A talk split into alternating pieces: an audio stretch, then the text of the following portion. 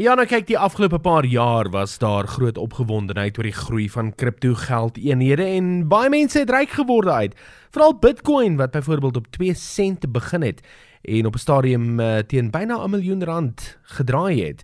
Maar banke voel nie noodwendig dieselfde nie. China het die jongste in 'n string lande geword wat begin om die skroewe vas te draai ten opsigte van kripto.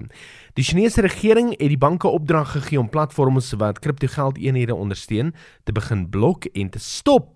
Dit volg kort op die anke van 'n aankondiging Vrydag dat daar stopgesit moes word op 'n Bitcoin digitale mynplaas in die Sichuan provinsie. Nou die plaas was die tweede suksesvolste van sy soort in die wêreld die afgelope 2 jaar en het tot en met 65% van die Bitcoin transaksies geprosesseer. Die Chinese regering, soos baie ander hou vol dat kriptogeldeenhede nie aan iets soos goud gekoppel is nie en die waarde daarvan tot 'n drastiese afname in valuta kan lei wat die ekonomie kan skade berokken. Die Chinese regering sê dat die risiko's beheer moet word en daarom ook die regulasies wat tans in werking gestel word.